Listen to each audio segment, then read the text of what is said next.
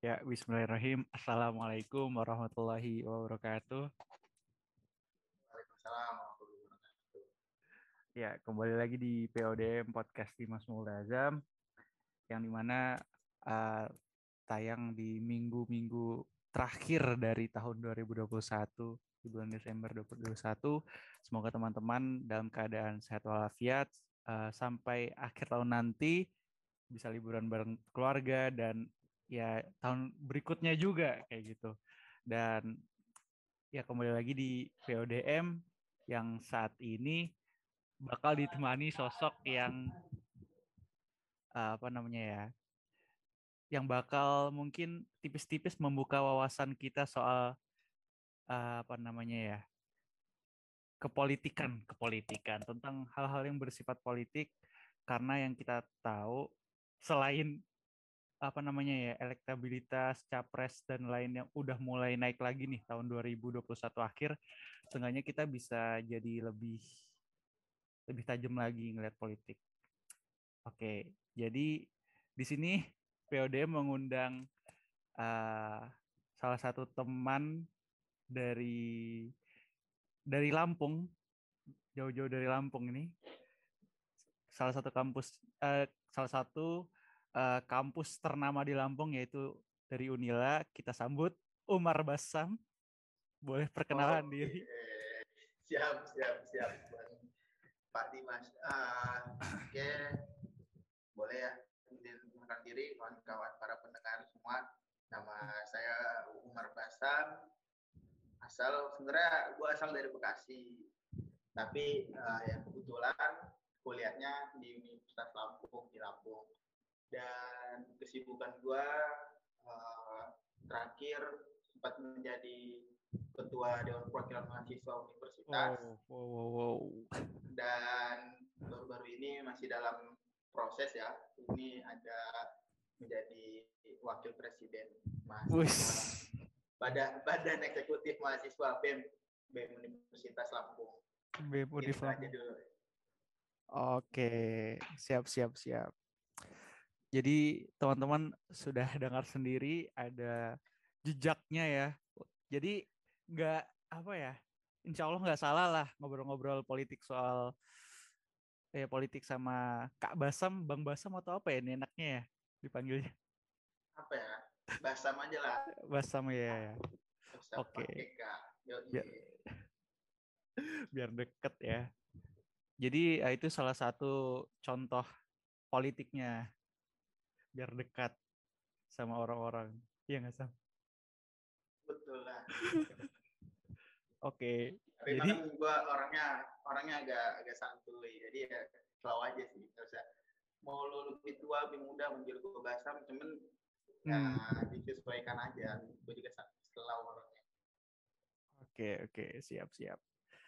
Iya jadi uh, tentang basam ini memang apa ya nggak tahu ya mungkin kalau secara gampangnya orang bisa kenal dengan orang bisa deket dengan orang ya itu dengan kesantuyan gitu. Kalau misalkan terlalu formal zaman sekarang kayaknya kurang ya sam.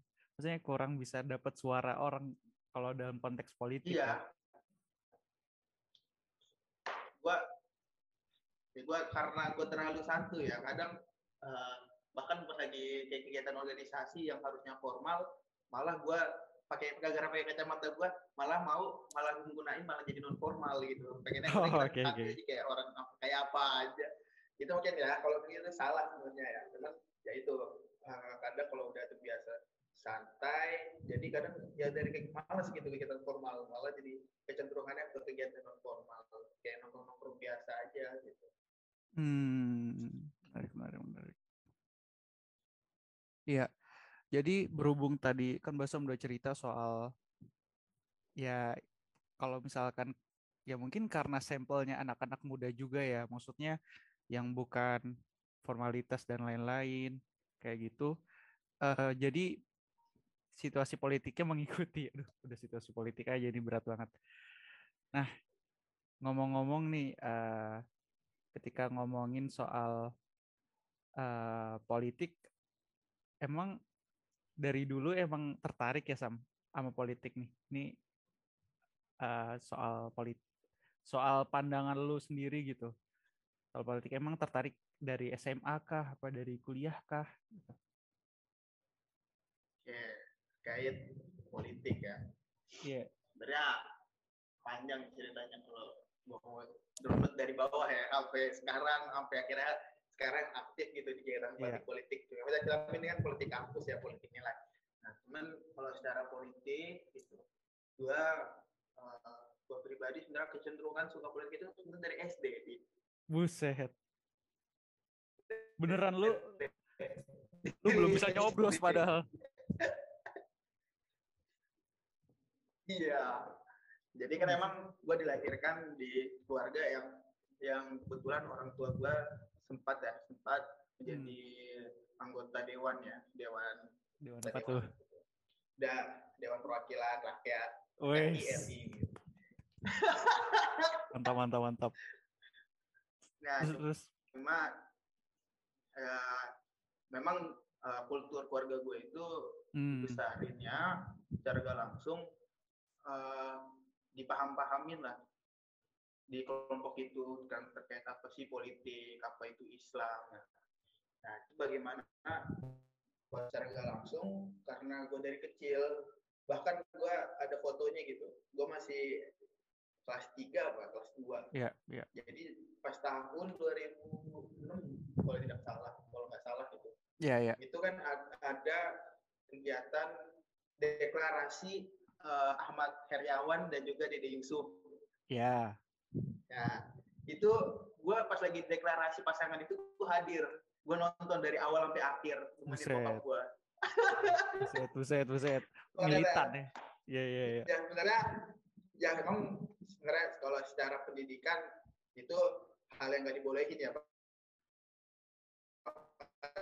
Kemarin sempat juga kayak uh, anak uh, apa cuman memang karena kultur keluarga gue kayak gitu jadi dari kecil gue udah dijejelin lah sama hal politik kayak gitu dan hmm. gak taunya memang gue tertarik sama hal-hal kayak gitu gitu kayak gue padahal gue masih bocah tapi gue tahu siapa ketua MPR ketua DPR nah bahkan ketika gue di SMA ya ada yang tahu nggak ketua DPR siapa Nah, gue malah gue angkat tangan.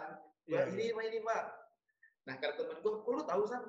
Gue sampai kadang terus kita ini sebagai uh, rakyat desa harus tahu juga politik, karena politik itu udah ngatur secara langsung yeah. politik ngatur keseluruhan gitu. Mm. Gue sampai sampai ngomong kayak gitu. Aja. Ya, mungkin karena dari dari kecil udah dijelin ya. Yeah. Bahkan ada satu yang satu yang lucu banget.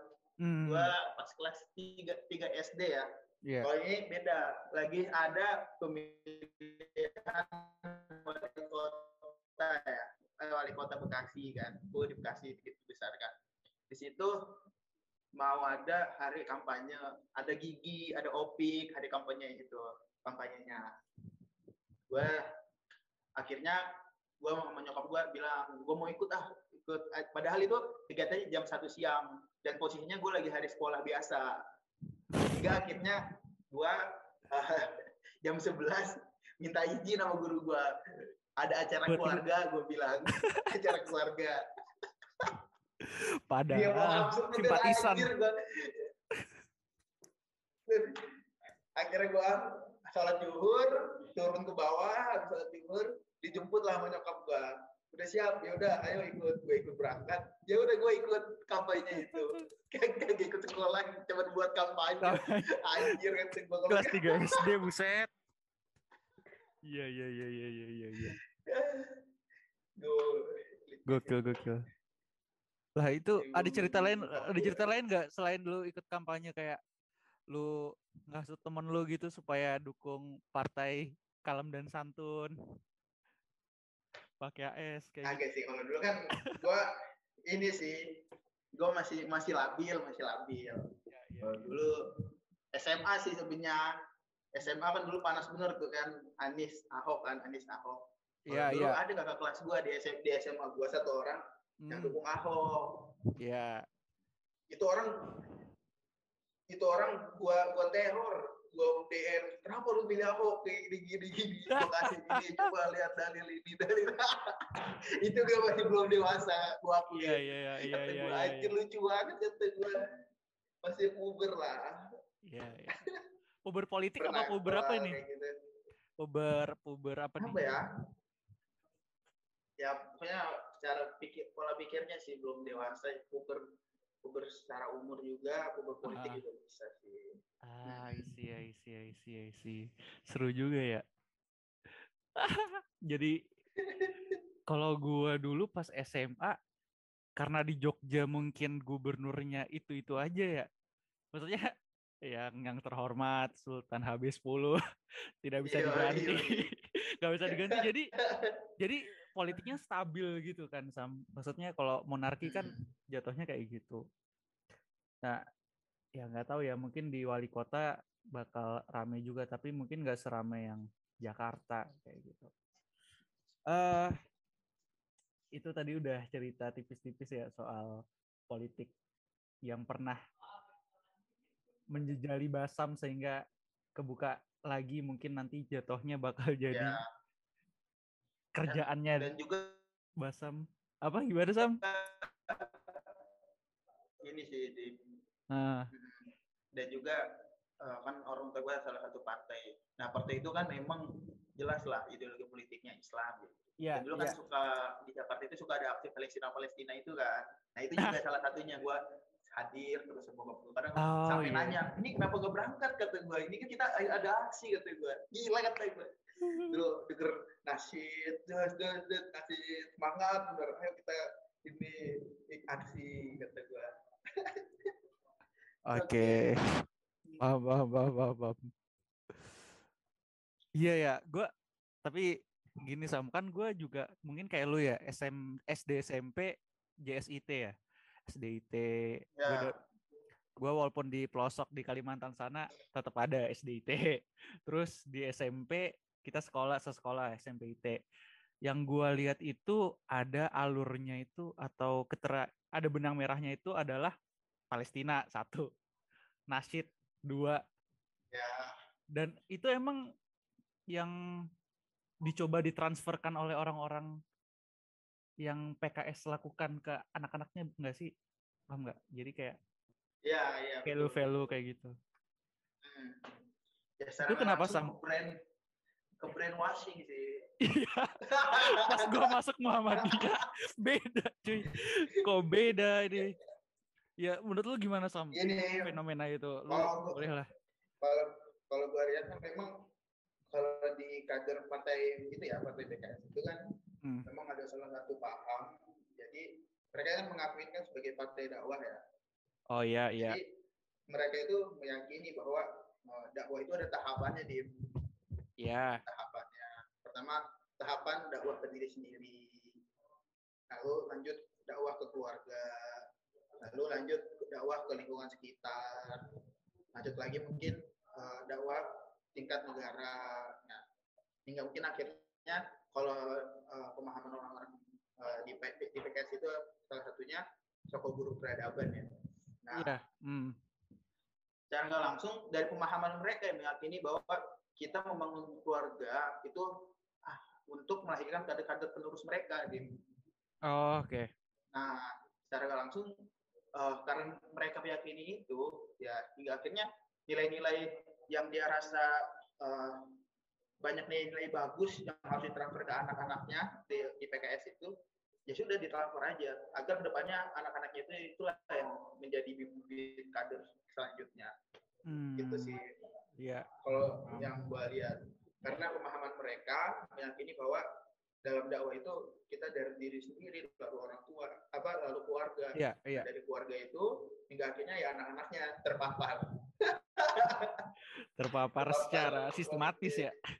iya I see, I see. Menarik ya. Maksudnya tapi selain selain memang sekolah-sekolah eh, JSIT itu dia ngasih transfer kader secara tidak langsung, tapi memang kualitas sekolahnya juga bagus-bagus juga ya. Maksudnya kayak orang-orang yang ya bisa dibilang kalau dari gua, Hmm. bapak ibu gua kan yang netral lah ya, netral gitu. Tapi tetap tertarik dengan dengan produk-produk dari partai PKS gitu. Ya. Iya berarti berarti ini ya selain dakwah juga PKS juga apa namanya ya tingkatin kualitas-kualitas pendidikan juga gitu. Oke oke oke. Kalau bidang muamalah selain pendidikan kira-kira PKS ada nggak Sam? Kalau Muhammadiyah kan ada PKU kayak gitu-gitu. Menurut yang lo tahu? Ya soalnya menarik juga nih partai politik bisa ngebuat bisa ya? banyak sih kayak rumah zakat rumah zakat gitu uh, banyak kalau rumah zakat yang secara langsung uh, apa ya maksudnya berafiliasi orang-orang dengan PKS ada cuman kan ya zaman sekarang bahasanya kita uh, harus main soft gitu nggak bisa yeah, yeah. Uh, apa-apa yang kita jual itu PKS PKS PKS sedangkan kan banyak itu di publik itu yang sebenarnya benci kan sama PKS itu nah jadi lebih ke intinya uh, bagaimana mereka uh, tetap memberikan uh, apa kebermanfaatan buat masyarakat. Oh iya. Um. Dan dia tetap uh, berafiliasi tetap Sebenarnya kalau hmm, PKS itu terlalu sempit sih kalau gue bisa bilang. Iya yeah, iya. Yeah. Kalau apa yang diyakini sama orang itu kan Islam gitu sih. Sama orang-orang PKS itu kan diyakini kan Islam. Hmm, Jadi, yeah. bisa membuat masyarakat itu yang mempunyai pemahaman yang baik terhadap Islam. Aduh, aduh, aduh. Siap, siap. Ini kayak lagi ikut liko nih. mantap, mantap. Kebermanfaatan Islam dan lain-lain. Iya sih. Gue lihat teman-teman yang yang aktif di sosial media, iya sih. Kayak dakwah dan lain-lain dari orang-orang yang gue yakini apa namanya ya gerakannya itu mendukung gerakan PKS gitu. Tapi nggak apa tapi nggak apa-apa kan Sam? Gue nyebut-nyebut PKS gini. Ya nggak apa-apa sih. Asal yang didengar sama anak unila anak unila aja itu yang bisa kacau. Aduh, aduh, aduh aduh berat sih. Oke oke oke. Tadi udah ngomongin soal kenapa Basam tadi ya dari SD bahkan sampai izin izin buat kampanye baru kelas 3 SD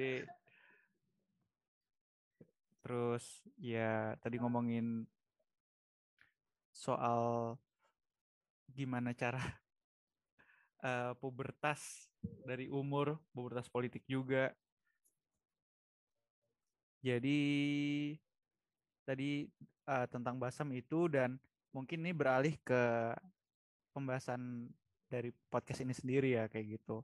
Mungkin teman-teman pendengar sendiri, PODM listeners yang mendengarkan uh, pengen tahu gitu soal gimana sih kita harus memahami politik kayak gitu. Mungkin dulu teman-teman pas saat kuliah atau sekarang yang sedang kuliah ngerasa kalau politik itu itu kotor kayak gitu. Politik itu penuh siasat gitu. Nah, tapi kan di sini kita ngundang orang yang benar-benar bermain politik ya. Kalau saya tentu tidak karena selama di kampus saya milih yang apa namanya yang tidak berafiliasi dengan gerakan politik kayak gitu. Nah, mungkin ini orang yang cocok untuk menjelaskan soal politik gitu. Ya, gimana sih yang main politik nih? Politik tuh emang penuh siasat gitu. Ya, uh, mana ya? Gue coba jelasin. Mungkin lebih ke ini dulu ya. Sebenarnya kenapa sih eh, orang-orang itu harus bisa melek terhadap politik. Ah, itu dia ya. maksudnya. Nah, gue coba ya, coba uh, mengutip perkataan banyak ya, perkataan yang Nasir lah lebih tepatnya. Wih, ini pernah, fans, uh, dia jadi ketua Masumi itu, dia dia pernah bilang, dia pernah bilang bahwa uh, kalau memang saudara-saudara tidak perlu ikut ke politik, biarlah, nggak apa-apa, nggak usah ikut main-main politik lah. Tapi uh, tetapi saudara-saudara janganlah buta politik kata dia. Kalau saudara-saudara buta politik, maka saudara-saudara yang akan yang akan dimakan oleh politik. Nah, apa yang coba disampaikan oleh uh, Nasir ini, karena dia menyampaikan bahwa memang kita kadang melihat politik itu suatu sini ya kan tapi uh, sidaknya kalau memang kawan-kawan eh, uh, apa listener ya podcast listener ini nggak nggak mau politik sidaknya kawan-kawan harus paham terhadap politik karena kalau paham kawan-kawan nggak paham mau politik ke depannya kawan-kawan yang bisa dimakan oleh kebijakan yang diambil dalam politik. Hmm, iya iya iya. Soalnya ya, jadi soalnya politik yang coba disampaikan oleh M Nasir ini adalah uh, karena dalam politik itu dia uh, bisa memberikan kebijakan yang sangat luar biasa untuk masyarakat gitu. Sedangkan kalau misalkan kebijakan itu diisinya orang-orang jahat, bahkan maka yang keluar adalah kebijakan yang jahat. Betul. Jangan kalau kebijakan diisi apa yang megang kebijakan adalah orang yang baik, maka dia akan mengeluarkan hal-hal yang baik. Maka kan ada hadis Rasul kan yang kalau kita nggak bisa merubah itu, maka kita rubah dengan tangan. Lalu hmm. kita rubah dengan omongan, lalu hingga akhir rubah dengan hati. Nah, yang di tangan ini maksudnya itu kalau dia punya uh, kebijakan, kalau dia punya kekuatan, punya power gitu, tangan itu punya power untuk mengeluarkan hal itu, maka dia bisa lah mengubah itu menjadi hal yang baik. Ya kita bisa lihat lah kayak Anies Baswedan gitu. Waduh waduh waduh serem. Ya oke okay, oke okay. lanjut. Bagaimana dia dia keluarin kebijakan-kebijakan buat mempersatuin bangsa lagi buat mempersatuin mempersatuin uh, umat, umat apa ke, keberagaman umat. Ya kemarin dia memang kan uh, baru aja uh, apa resmiin atau atau ya resmiin atau revitalisasi gitu gereja Immanuel. Itu kan secara langsung dia uh, dapat simpati politik dari orang Kristen dan orang Islam juga respect sama dia dengan banyaknya kerja sebelumnya dia keluarin yang, yang apa membantu orang-orang Islam. Nah, jadi uh, apa ketika orang itu memimpin dan dalam satu jabatan politik maka akan banyak hal yang bisa dia lakukan apalagi kalau lingkupnya misalkan dari anggota dewan apa hingga akhirnya presiden yang mana uh, kebijakan yang dikeluarkan oleh presiden itu pastinya uh, akan sangat masyarakat kan itulah dim. Agak itu sih paling mantap mantap mantap. Kan ini sudut pandang sam. Gak apa-apa sam. Bagus bagus bagus. Oh bagus sih. Maksudnya uh, mencerahkan gitu kan sebagai kita uh, yang awam-awam ini. Itu Tadi yang, uh, yang coba ditanamkan itu kan kenapa hmm. hingga akhirnya turun gua turun ke politik gitu. Bahasanya ya karena kalau bukan kita yang isi lalu siapa lagi yang yeah, isi yeah. kalau bukan orang-orang baik ya yang isi orang-orang yang tidak jelas yang yang itulah siap berarti antum orang baik nih ya yang jahat siap. yang orang Gak tahu gua. Gua main dosa juga sama. Gak usah, aja lebih baik dari orang. Yang penting, ya. Iya. Kalau kita petunjuk sama Allah aja lah. Oh, Masya Allah. Biar, biar nggak kepleset.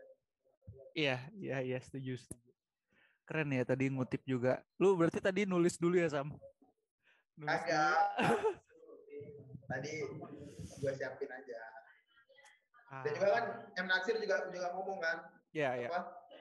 Dia udah pernah ngomong Islam jualan boleh, Islam pendidikan boleh, tapi kalau Islam politik di, dihantam gitu, nggak boleh kata dia. Kalau kan dulu uh, zaman awal-awal setelah apa G30S ya awal-awal yeah, Soeharto, Soeharto itu kan hingga akhirnya uh, Soeharto jadi presiden itu kan memang gerakan politik Islam banyak ditekan Kayak yeah, yeah. yang Nasir berpindah dari awalnya dia uh, berdakwah lewat politik, hmm. akhirnya dia uh, menggunakan dakwah dari ajang bagaimana dia, dia bisa mempengaruhi orang. Akhirnya dia bangun Dewan Dakwah Indonesia. Dia Dewan Dakwah Islam Indonesia. Yang itu jadi posisi bagaimana merekrut kader-kader ke depan yang lebih baik. Itu sih. Dan dia akhirnya jadi jadi cerca politik. Jadi M Nasir ini tokoh yang menginspirasi lu juga ya buat bergerak ya. berjuang di ranah politik Sam.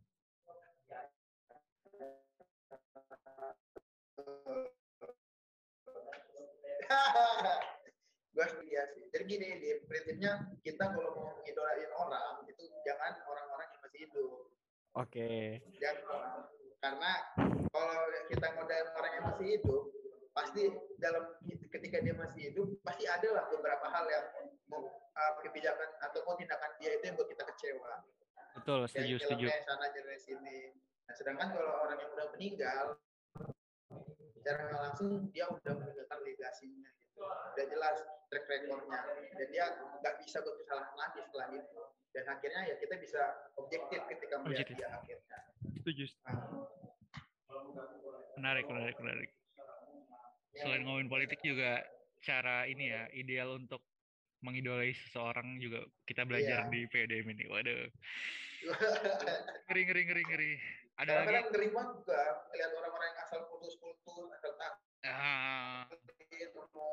orang ketika orang itu udah udah dibuat tindakan yang beda sama yang dia pikirkan, yang dia inginkan, yang akhirnya eh, akhirnya malah tuh rasa kecewa, kecewa tuh hmm. kayak gini kayak gini kayak gini. Malah jadi yang awalnya dia jadi ngefans apa yang awalnya dia ngefans malah jadi akhirnya jadi pembencinya yang paling yang paling keras. Itu sih. Iya iya, iya. ih. Dalam bener. Jadi jadi kita nggak boleh mencintai Liverpool ya selama hidup kalau itu beda lagi beda lagi itu beda lagi apa uh, prinsipnya beda lagi yang dipegang. Oh, beda lagi ya. itu apa itu? YNWA aja berarti prinsipnya. Kalau kalau Liverpool itu gua ngikutin kata-kata Bill Shankly. Apa itu? If you can, uh, kalau kalau lu nggak bisa dukung gua ketika kalah ataupun ketika seri, maka jangan dukung gua ketika menang. Widih. Gitu. Jadi ya kita harus dukung terus mau kalah. I die, Liverpool till I die. Oke oke oke, paham paham paham. Iya iya tadi intermezzo dikit ya soal Liverpool. Hmm, jadi kalau gue boleh simpulin Sam emang politik itu sebenarnya tergantung orang-orang yang mengisi gitu ya, bukan lingkungannya yang kotor atau yang kan bukan politik kotor lah apalah kayak gitu. Tapi gimana caranya orang-orang yang di sana baik-baik sehingga bisa bersinergi jadinya menghasilkan produk-produk yang baik-baik kayak gitu. Ya misalkan anti legalisasi zina kayak gitu. Oh, iya, iya. terus apa lagi sam? Uh, soal yang ingin lu sharekan ke PAD listeners soal politik yang mungkin jadi prinsip lu gitu kan kayak tadi lu bergerak karena tadi ada hadis ada kata Muhammad Nasir kayak gitu. Ada tambah lagi nggak? Hmm. Apa sih? Enggak sih intinya gitu. Kalau biasanya kalau kita memang kita kalau bukan kita yang ubah itu siapa lagi? Sebenarnya gue ini ngikutin kata Janun sekarang nih gue itu lagi tanya jawab sama ada yang tanya ini mahasiswa mahasiswa ada mantan ini sih apa bahasanya orang kami juga kami dia jadi kayak nanyain ini di Indonesia ini udah kayak gini gitu. Kita jadi nyalain sistem apa nyalain perorangan gitu. Hmm, oke, okay, oke. Okay. Jadi yang salah ini sistem apa orangnya yang salah gitu. Iya, iya, iya, iya. Sering tuh muncul tuh. Ya, iya kan? Kayak yang itu kayak apa sih? Yang udah gak selesai, selesai lah dibahas kan kayak gitu. Nah, tapi gue coba, gue nggak bisa ya kalau um, dari awal yang jauh ketemu Cak Nun ya. Tapi apa yang yang coba Cak bawa itu intinya sebenarnya uh, memang hal itu sistem itu bisa salah, orang perorangannya pun bisa salah bahasanya. Tapi bagaimana kita sebagai manusia jangan sampai terdistraksi dengan eh, kesalahan-kesalahan uh, itu dan hingga akhirnya kita ini intinya sebagai manusia harus bisa belajar dan yeah. juga uh, mencoba menanamkan nilai-nilai kebaikan dalam diri kita Benar. agar ke depannya ketika kita maupun di sistem ataupun perorangan kita itu uh, udah ada tameng gitu soalnya kita udah udah punya bekal uh. ketika melihat suatu hal yeah. nah itu sih yang uh, gua kadang jadi pegangan gitu yeah, yeah, jadi yeah. yang harus kita perbaiki itu intinya diri kita dulu aja dari kita dulu hmm. kalau baru kalau memang dari kita akhirnya merasa udah kuat udah bisa baru kita coba uh, buat turun gitu ya bisa coba yeah. lainnya gitu Hmm, oke Gitu oke oke. Siap, siap. Menarik, menarik. Jadi politik itu menurut lu kalau di sektor umum ya, ini masih ngobrol politik nih terakhir terakhir soal politik Hmm. secara umum. Itu tuh lebih di atas dari ekonomi ya, sektor ekonomi. Menurut lu, maksudnya bayangannya kayak kebijakan-kebijakan itu di atas eh ya kebijakan-kebijakan itu bisa mendapatkan ekonomi kayak gitu kan. Maksudnya gini, Hmm, hmm, kayak. Hmm. pemerintah di atas perusahaan kayak Ya. gitulah intinya. Ya, Menurut ya, ya. emang emang kayak gitu ya yang terjadi di sebuah ya negara? kalau kita bisa lihat kalau kita bisa lihat ya sekarang ya Hmm. ya kayak gitulah makanya kan akhirnya ada bahasa oligarki Nah, ya ya kan? ya, ya, ya, dia ya, punya satu satu kelompok doang. Ya dia satu punya persen gitu ya. pedagang, pedagang pedagang doang punya satu persen doang. Hmm. yang di mana eh, ternyata ya orang-orang itu yang satu persen ini dia biasanya punya titipan lah. Di, di anggota dewan atau jadi presiden. Yang di mana hingga akhirnya ngeluarin kebijakan-kebijakan itu yang akhirnya yang pro sama dia doang. Sedangkan masyarakat yang lain nggak dipikirkan. Kayak misalkan omnibus law kemarin kan Hmm. bagaimana pembuatannya dicepat-cepat di situ izin-izin harus dipermudah amdal dicabut kayak gitu kan padahal bahasanya itu kalau buat eh, masyarakat secara umum yang ngerasain dampaknya itu bakal sangat buruk buat masyarakat tapi itu sangat sangat bagus buat orang-orang yang punya modal buat orang-orang kaya buat buat, buat pengusaha nah itulah Paham, paham. eh, yang makanya ada beberapa orang mungkin yang memiliki pemahaman ya politik itu segala-galanya lah. Yang kalau misalkan politik kita udah pegang, baru kita bisa pegang ke lainnya. Gitu sih. Cakep. Iya. Ya tapi tetap sih, kalau gua megangnya perkataan ini sih Adi, Adi Hidayat gitu. Dia Ah. jadi di ceram di apa ceramahnya dia dia kayak nyampein kalau eh, awal-awal kemerdekaan kenapa Indonesia bisa menang itu karena ada tiga tiga apa tiga sektor yang udah dipegang. Dia dulu Indonesia punya sektor politik yang pertama. Politik itu punya serikat Islam. Lalu juga punya sektor perdagangan ekonominya yaitu serikat dagang serikat dagang Islam. Satu lagi punya juga sektor pendidikannya. Pendidikannya itu Muhammad Muhammadiyah. Nah dari tiga hal itu hingga akhirnya sampailah ke titik Indonesia merdeka. Jadi dari awal itu kan eh, adanya serikat Islam serikat dagang itu kan di tahun kalau di- kalau nggak salah ya 1920-an lah 1910-an Hmm, hmm, hmm. Nah, dari, dari proses itu kan akhirnya cuma sampai 30 tahun baru akhirnya Indonesia bisa merdeka kan. Iya cepat tuh. Nah, Iya iya. Hmm. Iya. Jadi tiga sektor itu sebenarnya kalau yang saling melengkapi yang penting-penting ya. Pendidikan, perekonomian, Hmm. dan juga perdagangan atau pendidikan dan akhirnya yang politik. Ya tiga itu harus dipegang. Ya, jadi penting. Hmm. Iya iya gue benar-benar. Perdagangan, Saling- pendidikan, perdagangan, baru politik gitu ya. Iya, tiga hal itulah saling melengkapi Iya. satu sama lain. Benar benar benar benar. Seru ya jadi kronologisnya dapat juga nih emang wawasannya luas sekali Akhi Umar Basam. Aduh. Ini biasa biasa baca, biasa baca di mana Sam kalau kayak gitu-gitu Sam? Yang mana? Ya referensi-referensi kayak tadi gitu. Lu mengenal Muhammad Natsir kayak gitu. Lu Kalau dulu, ya itu pas gue di Jogja. Wih. Sebenarnya iseng gua, buka buku itu iseng sebenarnya dia. Oh, api sejarah ya pasti ya? Bukan. Iya, gue baca api sejarah itu, api sejarah satu sama dua. Ya di situ ya dijelasin lah awal-awalnya. Dan juga referensi yang pakai Ustaz Hadi Hidayat itu ya api sejarah juga. Jadi dia Hmm. kayak ngejelasin api sejarah bagaimana perjuangan ulama dari awal hingga akhirnya bisa merdeka. Tapi emang hal yang coba di titik beratkan di pembahasan api sejarah itu bagaimana perjuangan umat Islam memerdeka, eh, memberikan dampak untuk kemerdekaan Indonesia. Dan Hmm. ya semangat gue naik sih habis baca itu lah. Wah ini Ya, ya, Islam ya. kayak gini, Islam nih. itu sih. Ya, ya, ya, ya. Paham, paham, paham. Oke, beranjak dari politik yang tadi lu udah jelaskan dengan detail ya dan runut. eh ini beralih mungkin ke teman-teman yang mendengarkan yang pengen jadi uh, apa namanya mengikuti uh, politik kampus kayak gitu ya uh, bermain di arena politik kampus kayak gitu. Nah dari perkenalannya tadi kan uh, Basam udah cerita soal uh, pertama jadi ketua DPM kayak gitu ya di Unilai itu di itu di fakultas apa kampus Sam? Kampus ya? Yang kampus juga ya.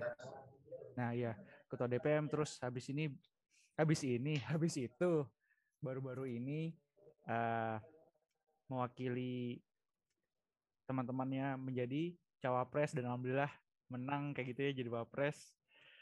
Ya mungkin ada yang boleh di-sharekan Sam kayak gitu.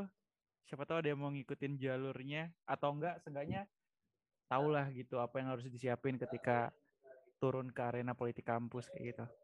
Boleh nih share-share kalau boleh. Apa ya? Ketiga coba. Uh, yang harus dipersiapin. Mereka nggak ada yang yang penting itu intinya kita harus belajar sih proses. Oh. Ini cuman bahasanya politik kampus ini cuman tahap awal. Tahap awal kita mengenal politik gitu. Ya. Dan juga ya nanti ya balik lagi implementasi apa yang kita dapat di kampus itu kan lebih setelah pasca kampus gak sih ya kita udah jadi sadar nah ya, ya, kita kita coba kita ituin cuman sebenarnya kalau gue ya gue pribadi ya pandangan gue pribadi sebenarnya politik kampus itu ya gak jauh gak gak beda jauh lah sama politik oke okay. okay. uh, mungkin politik kampus itu uh, bahasanya lebih di uh, konotasi lebih baik aja lah ada politik kampus. Tapi memang sebagai mahasiswa, gue ini harus ini ya kasih tahu bahwa sebagai mahasiswa itu kita memang harus main politik. Tapi apa yang politik yang dibawa oleh mahasiswa adalah politik nilai, politik nilai kebaikan, bukan politik praktis. Oke, okay, iya. Itu yang hmm. itu kayak kayak kita uh, ini hal ini salah, maka kita katakan hal itu salah hal ini benar ya kita katakan hal itu benar. Nah, mungkin ini yang uh, apa ya yang harus dipahami gitu mahasiswa bahwa uh, politik yang dibawa oleh mahasiswa adalah politik nilai dan jangan dicampur adukan antara uh, politik mahasiswa politik nilai dan juga politik uh, praktis yang ada di.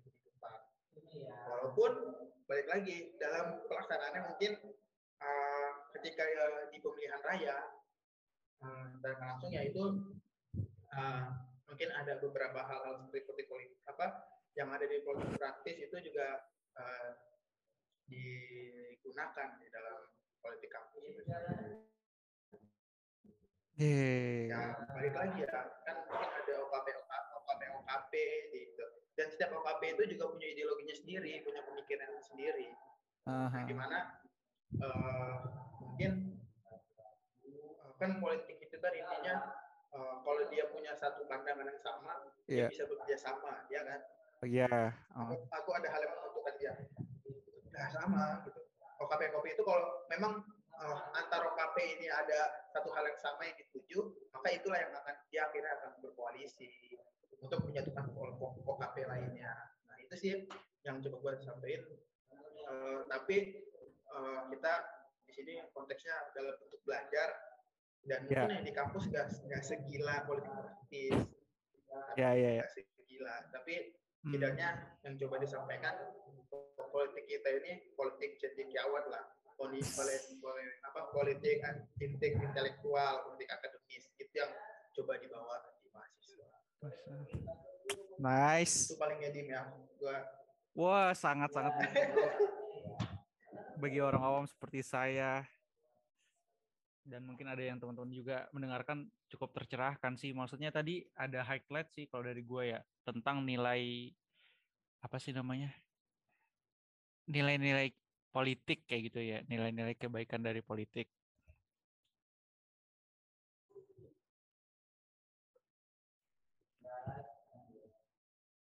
Cek cek. Ya, udah masuk. Ada ya. Ya, oke. Ya.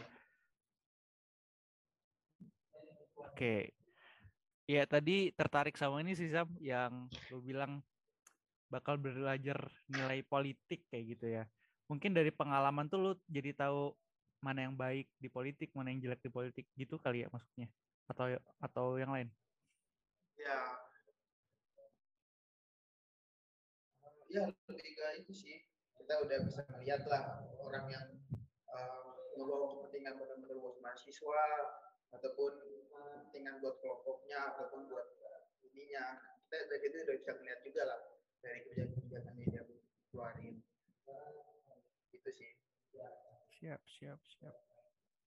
Oke tadi kan udah apa menyampaikan pesan-pesan untuk politik eh bagi orang yang mau masuk politik di kampus ya menurut lu di luar dari pergerakan DPM bahkan menjadi presiden dan lu menjadi wapres sekarang apakah kayak di organisasi UKM misalkan ya UKM atau uh, apa namanya ya organisasi jurusan kan lu juga kalau nggak salah pernah di fosil Unila ya yang lembaga dakwah itu apakah di situ tuh juga ada unsur-unsur politik menurut apa yang lu jalani kayak gitu. Ini soalnya menarik ini soalnya kayaknya teman-teman juga pasti ada yang selain partai gitu ya. Terus dia wah oh, ini aku termasuk politik apa enggak nih? gitu kan. Kadang ada ada tingkat gitu ya cerita gitu. Ini masuk politik enggak sih mas? gitu. Berat kali ya? Saya, iya saya juga jawabnya. Uh, ini yang lebih ke mana nih? Lebih ke mungkin nggak tahu ya kalau gue pemahamannya di tempat gue kayak misalkan jabatan-jabatan gitu. Ya, ya itu tuh UKM. ya itu ada rebutan juga. Nah kita ngomongnya itu wah ini politik nih gitu. Atau enggak ada orang yang biar ya. golongannya apa gitu.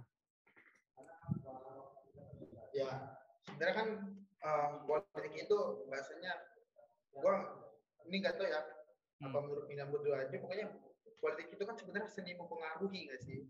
Hmm, oke. Okay. jadi uh, kalau misalkan lu uh, kita contoh ya di lu misalkan menjadi ketua suatu organisasi kan? Suatu organisasi. Nah lu tahu nih siapa yang menjadi tokoh penting di organisasi-organisasi itu? Ya. Ya akhirnya hmm. lu lu deketin orang itu biar buat orang itu yakin kalau lu nih bisa jadi ketua. Secara nggak langsung ya itu juga praktik apa praktik politik loh kalau gue bisa yeah. bilang. Bagaimana yeah, kita yeah. mempengaruhi orang agar bisa pemahaman sama kita kan? Nah kalau kita bahasa menggunakan menggunakan bahasa politik seni mempengaruhi sebenarnya kayak gitu. Kita berorganisasi ya organisasi itu politik juga Cuman dalam tanda kutip bukan partai politik atau politik praktis. Yeah. Tapi itu bagaimana uh, kita uh, me, apa memaknai uh, itu sini apa politik yang lebih luas lagi lah. Iya, gitu. iya. Jadi uh, jadi ada unsur-unsur politik masuk ke ya tadi gitu ya praktek-praktek seni mempengaruhi lah dan lain-lain jadi uh, toolsnya alatnya aja gitu ya iya oke oke oke dan kalau kita mengimplementasi uh, politik praktis, yang nggak mungkin lah kalau politik praktis ada di kampus. Itu sih yang mungkin harus Iya. Iya, iya, iya. Mungkin masa ini ini partai ini, partai ini, partai itu, yang nggak nggak itu itu nggak mungkin sih kalau kata gue. Iya, iya. Nah, gue jadi inget kan kata lu nggak ada politik praktis di kampus ya. Nah, gue jadi inget salah satu acara kalau lu tahu pulang perang yang ada Valdo Maldini, Panji, terus Ernest. Iya, iya. Ya, ya itu. Kan ah. gue pernah ikut kan pas di Jogja itu. Panji bilang di UGM itu ya, ya. ada partai politik yang uh, dia itu eh bukan partai politik eh ya part, politik partai kampus yang kaderisasinya bagus banget namanya partai bunderan kalau nggak salah nah itu katanya itu pergerakannya PKS kadernya PKS kayak gitu. Nah, apakah itu bukan yang dinamakan politik praktis, Sam? Kata Panji soalnya rata-rata orang ya kita bisa lihat yang terhormat presiden nah, atur kayak gitu ya. Ya, itu kita kalau gini sih di kalau gue jelas. Iya, ya. Kalau gue ya kalau gue ngelihatnya hmm. itu lebih kepada uh, ideologi yang dipegang mungkin bukan politik praktis itu cuman apa yang dia pahamin yang pemahaman dia sampaikan mungkin sama dengan orang PKS tapi kalau secara uh, kelihatan ya nggak mungkin lah itu uh, orang-orang PKS ataupun ya mungkin di GMNI itu kan GMNI GMNI itu kan secara langsung katanya PDIP dua apa PDIP ya, gitu. Iya iya nah, benar. Itu kan balik lagi ya OKP OKP itu punya ideologinya sendiri lah punya ideologi masing-masing. Iya. Dan biasanya di kampus-kampus itu ya itu bagaimana dia merekrut kader-kadernya. Itu sih kalau gue ngelihatnya. Mungkin hmm. kenapa Panji bisa ngomong kayak gitu? Ya, mungkin hmm. karena sistem yang diterapin sama, ide apa tuh ideologinya sama. Hmm. Hmm. Kami yang tadi yang kayak gue sampaikan kan, hmm. kayak misalkan orang-orang PKS kayak ada yang di sono, ada yang di sini, ada yang di situ, bermanfaat coba terus bikin kebermanfaatan. Iya. Uh... Mungkin secara secara kelihatannya gitu dia bukan orang PKS, tapi uh, nilai-nilai yang orang-orang PKS anut itu mungkin sama dengan orang itu. Nah kayak gitu sih intinya. Hmm. Nice, nice penjelasan Pak Kalau misalkan juga kalau kita itu nggak nggak boleh lah partai politik apa partai pra, apa praktik apa praktis gabung oh, praktis uh, ya apa politik praktis ada di kampus yang nggak boleh partai-partai politik. Larang lah. Mencederai itu ya cendikiawan apa tadi istilahnya? Mencederai ya kebaikan-kebaikan ya. yang ada di kampus kayak gitu. Iya. Nah, uh, tadi kan kita udah belajar dari bekal terus wawasan. Nah, ini boleh nggak share? Selenting aja kalau boleh soal pengalaman lu uh, ya berjuang di kampus gitu, di politik kampus kayak gitu. Yang kayak lu tadi apa ya? Bukan berperang sih, maksudnya lu ada pengalaman melawan partai lain kayak atau apa kayak yang mungkin bisa di-sharekan? Yang nggak usah semuanya juga kayak. Ya, misalkan gini ya. Uh. Kayak misalkan gue kemarin nyalon kan. Ya. Uh, bagaimana gue agar gue bisa mendapatkan suara-suara mahasiswa? Gue tuh kalau gue mikirnya uh, di, untuk tingkat mahasiswa itu dia lebih masih mengikuti uh, perkataan cutting ataupun perkataan uh, tokoh-tokoh di UKM yang diikutin gitu. Ya nggak sih? benar, ya kan? Ya hingga akhirnya pendekatan apa yang coba gue uh, pendekatan yang coba gue cara yang gue gunain akhirnya adalah ya gue deketin orang-orang penting di fakultas-fakultas. Misalkan kayak uh, gubernur fakultas ataupun ketua B fakultas gue datengin gue minta doanya minta resmi dukungannya. Nah itu mungkin uh, salah satu praktik politik yang coba gue lakuin kemarin. Hmm. gue datengin kayak ketua hima ketua hima jurusan ah, gue iya, datengin iya, minta iya, iya. minta masukan minta uh, apa mungkin ada titipan gitu ya kita di situ mendengarkan lah sebagai uh, calon pemimpin gitu soalnya kan nanti kita yang ke depannya bakal memimpin dia dan ya mereka juga maunya punya pemimpin yang sesuai lah sama yang diinginkan oleh orang-orang itu. Setuju, nah, setuju. Karena itu maka intinya ya pemimpin itu harus sering mendengar, mendengar orang-orang. Apa yang dilakukan itu ya sesuai yang diinginkan oleh orang-orang yang sudah memilih dia. Itu sih. Benar-benar. Kayak presiden pertama kita ya Soekarno ya, artinya pendengar. iya. Benar-benar. Partainya apa tuh? Boleh nggak tuh? Nggak boleh ya? PNI dia mah Partai Nasional Indonesia. Iya, Soekarno. Enggak dulu lu, lu, lu, lu partainya apa tuh di kampus? Enggak ada gue, enggak main partai. Oh, pergerakan ya, jatuhnya ya?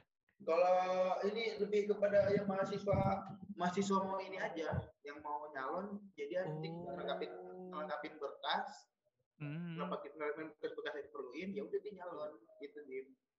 Oh gitu, siap. Mungkin kalau yang itu cuma di beberapa kampus ya udah nerapin kayak di mana di UGM itu mungkin udah nerapin. Tapi kalau di Unila gue itu gak, gak nerapin partai kampus. Hmm, ya sih gue jadi ingat teman gue ada anak UI juga kayak kayak lu kayak kalau nggak salah independen gitu jadi nggak ada rame-ramean Iya. partai gitu nggak Ah, lebih cenderung bersih sih maksudnya nggak apa sehat gitu persaingannya lebih sehat kalau nggak ya nggak tahu juga ya pemahaman gue sih kayak gitu oke oke apalagi Sam yang mau di-sharekan ini dibagiin ke teman-teman ini udah, daging bener soalnya itu udah, gue udah buka banyak bener nih. Ini podcastnya emang udah gue buka loh, banget ini. nih. Aduh. Eh, ya tadi sempat dengar ceritanya Basam nih Bang Basam nih ya soal eh, nyalon kayak gitu. Siapa tahu ada anak Unila yang denger nih yang mau jadi wapres eh wapres iya dan presiden. Oh berarti lu kenal presiden lu di ini pas berkas ngasih berkas apa gimana? Apa emang udah teman lama? Ya, mungkin eh, kalau mau press gue sempet lah sempet tahu lah dari awal masuk. Cuman ya cuman capcuk capcuk doang kayak ngomong ketemu gitu. cuman nggak pernah ngomong ngobrol intens. Hingga akhirnya eh, mungkin itu ya nama yang keluar gua sama dia dan ya gua akhirnya udah- udah hubungan. Yoi. Hmm. Nice, nice. Iya ya, jadi siapa tahu nih anak penilaian denger nih, siapa tahu kan Bang Basam share di IG gitu kan podcastnya ini. Ah, terus, lah, gua share lah pasti. terus ada yang pengen jadi ngikutin ya boleh-boleh juga. Nggak salah ya turun ke politik sam. Harus kuat, harus banyak bekal, harus banyak bekal, nih. Benar-benar. benar. Oke Biar oke. keseleo. Iya. Pundaknya kuat nggak tuh kan biasanya gitu. Harus kuat ya pundaknya. Yoi. ini ini apa ya teman-teman jadi emang Basam tuh dulu kan eh pernah ke Jogja kayak gitu ya sekolah tahfiz dan sering share-share juga kan kebetulan gue juga di Jogja udah dari SMA kan sampai kuliah nah terus share-share nah katanya dia sih dulu pernah sempat ketemu apa ya ketemu langsung apa lewat Zoom ya. Dia pernah cerita kalau misalkan ada fase di mana dia banyak mengalami perubahan gitu ya. Nah, mengalami perubahannya itu di mana? Dia bilang itu di Jogja kayak gitu. Ya kan? Lu inget nggak Sam? Lu pernah bilang ke gua, Gue kayaknya itu, itu Wah, gua parah nyampein itu sih ke orang-orang. "Oh, oke, Gue kalau ke orang-orang gue selalu cerita itu Jogja ini karena langsung satu fase lah, satu fase yang penting dalam hidup gue. Iya. Yang tadi api sejarah itu apa yang mana lagi tuh? Yang ngubah lu. Lah. Nah, Kenapa? oh jadi gue perlu nah, Ya ceritain ceritain ceritain boleh dong ceritain soal kenapa Jogja ya salah satu yang istimewa di mata lu gitu. Ini kan soal basam politik dan perjalanan hidup kayak gitu. kalau gue kenapa gue bisa bilang Jogja sesuatu hal hal fase penting. Walaupun gue tinggal di Jogja itu nyampe kali ya 10 bulan ya tim 10 bulan maupun nyampe setahun pas. Nyampe setahun pas. Hmm. ya selama di Jogja itu itu yang buat gue tumbuh untuk lebih dewasa lagi. Untuk lebih eh, menjadi pribadi yang lebih baik lagi. Karena ketika itu gue gimana ya itu kan memang gue habis lulus dan gue nggak kuliah. Nggak kuliah nggak dapat di mana-mana gue kerjanya main-main terus nongkrong sana sini nongkrong sana sini ya kan? Hingga akhirnya satu kejadian gue gagal lagi nongkrong akhirnya gue kecelakaan gitu. Pas lagi nongkrong itu dan tahu. hingga akhirnya ada dari nong- uh, kecelakaan itu uh, orang yang nabrak gue itu tangannya patah. Hmm. Ya kan? Hmm. dan mau nggak mau walaupun walaupun guanya ya cuma kesel kesel dikit lah. Hmm. Nah, mau nggak mau karena dia yang lebih parah ininya dan gue juga salah salah gue itu gue nggak pakai helm nggak bawa sim nggak bawa STNK gue cuma asal soalnya kebetulan gue lagi nongkrong. Iya, iya. habis itu gue geser ke ke apa pom bensin cuma buat buang air besar nah pulang dari buang air besar Ya Allah. gue kecelakaan Aduh. orang hingga tangan orang tangan orang patah Hmm. nah dari waktu itu kan gue gimana ya orang yang pasti anak muda ngelihat buat tangan orang patah itu gue langsung wah panik lah panik bahasa isti gue kerjaan gue di situ istighfar istighfar astagfirullah astagfirullah gue nelfon bokap gue minta bantuan hingga apa, pada satu titik gue ngomong udahlah kata gue gue kalau uh, udah kayak gini gue udah udah gak jelas hidup gue mau ke mana gue ngikutin kata bokap gue aja lah. Ya udah hingga akhirnya gue ngikutin kata bokap gue bokap gue itu dapat uh, selama setelah kecelakaan bokap gue ngurus gue juga bantu nemenin bokap gue ngurus. Hmm. hingga akhirnya uh, memang pas lagi fase itu bokap nyokap gue pengen gue uh, tinggal di rumah Quran Oh iya, rumah Quran. akhirnya Iya. ya dapat jargongan WA gue tiga, uh, ada rumah Quran di, di Jogja dan gue mengiyakan ya udah gue ambillah rumah Quran di Jogja itu kata gue dan juga mungkin gue mikirnya uh, gue pengen berubah lah kalau hijrah kan apa kalau pengen berubah itu harus dari satu tempat ke tempat yang lainnya kan dari situ Hmm. dari benar, situ uh, mungkin gue udah udah merasa ah di Jakarta ini udah busuk bener lah gue udah udah nyobain busuk-busuknya apa apa? Ah, asam manisnya lah. Asam- asam, manisnya udah gue cobain pak. Nah, ah, asam manisnya Asam kehidupan di pahit, Jakarta asam pahit. bisa- asam pahit Tubi ya, kali asam manis. dan,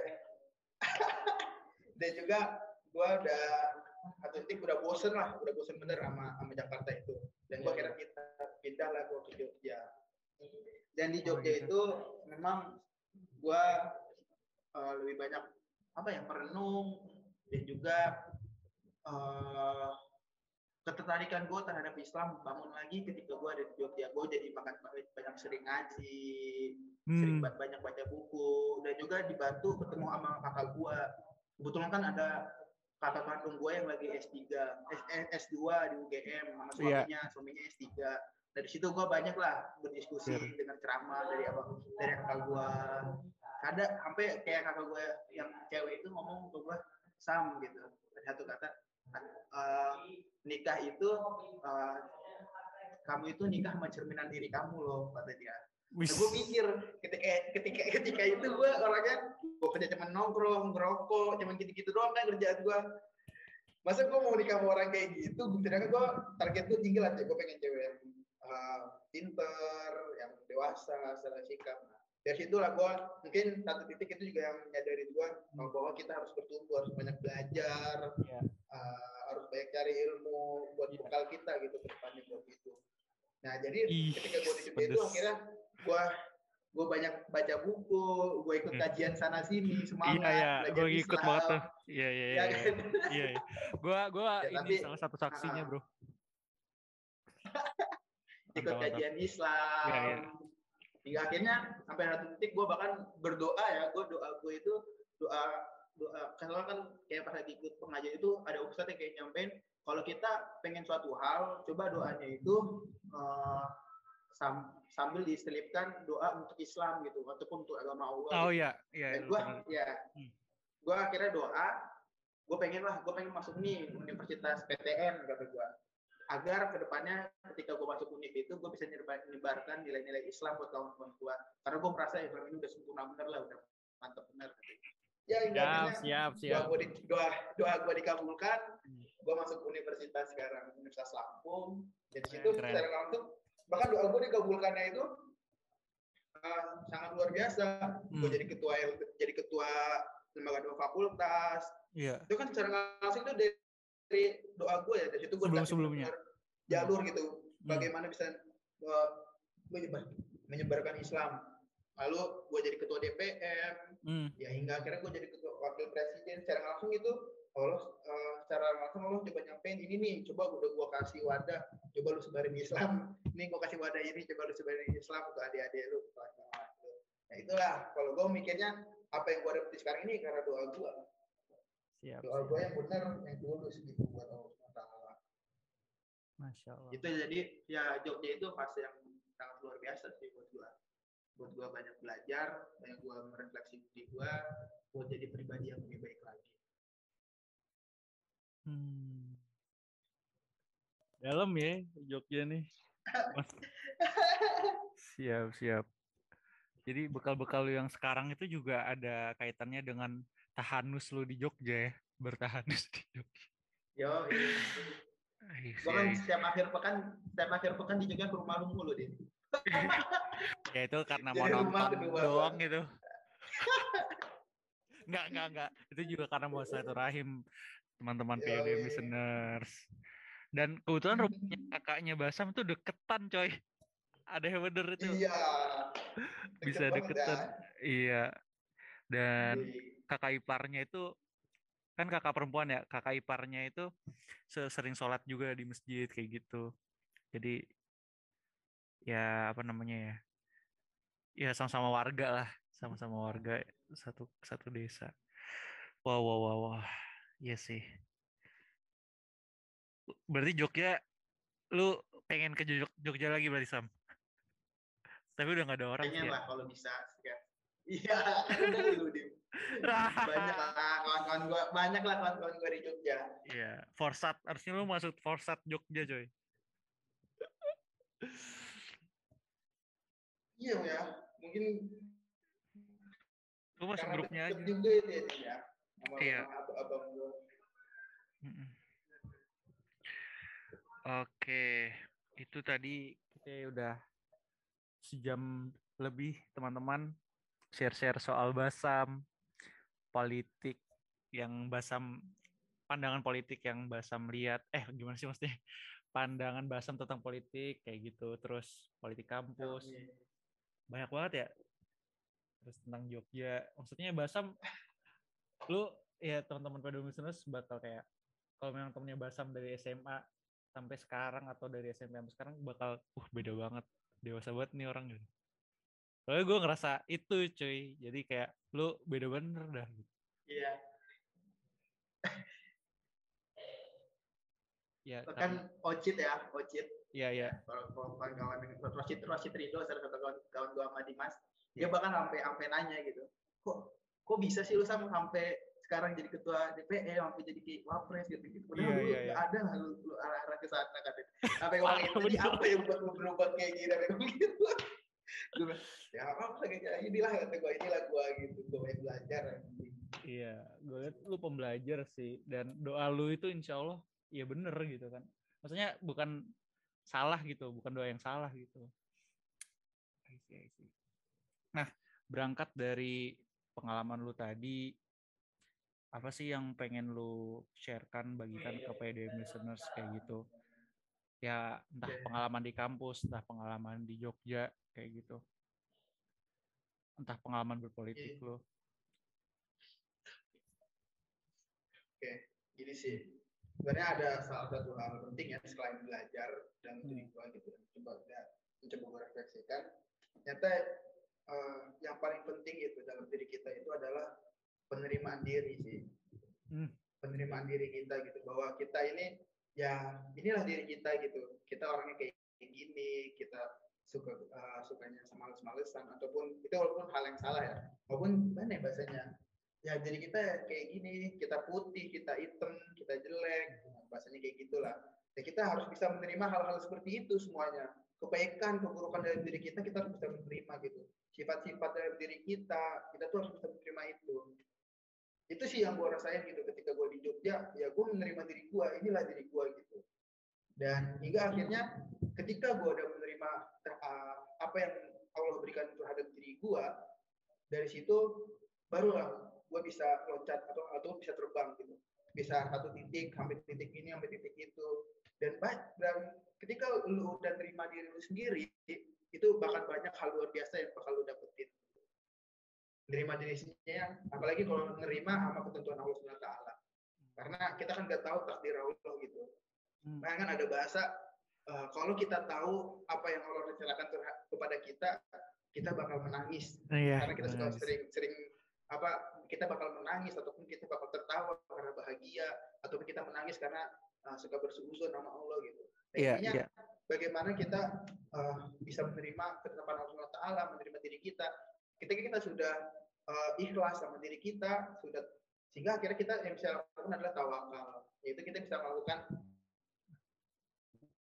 ikhtiar dalam hidup kita kayak kita belajar. Ya belajar sih intinya. Kita belajar sana sini nyari ilmu tidak tutup duluan dan,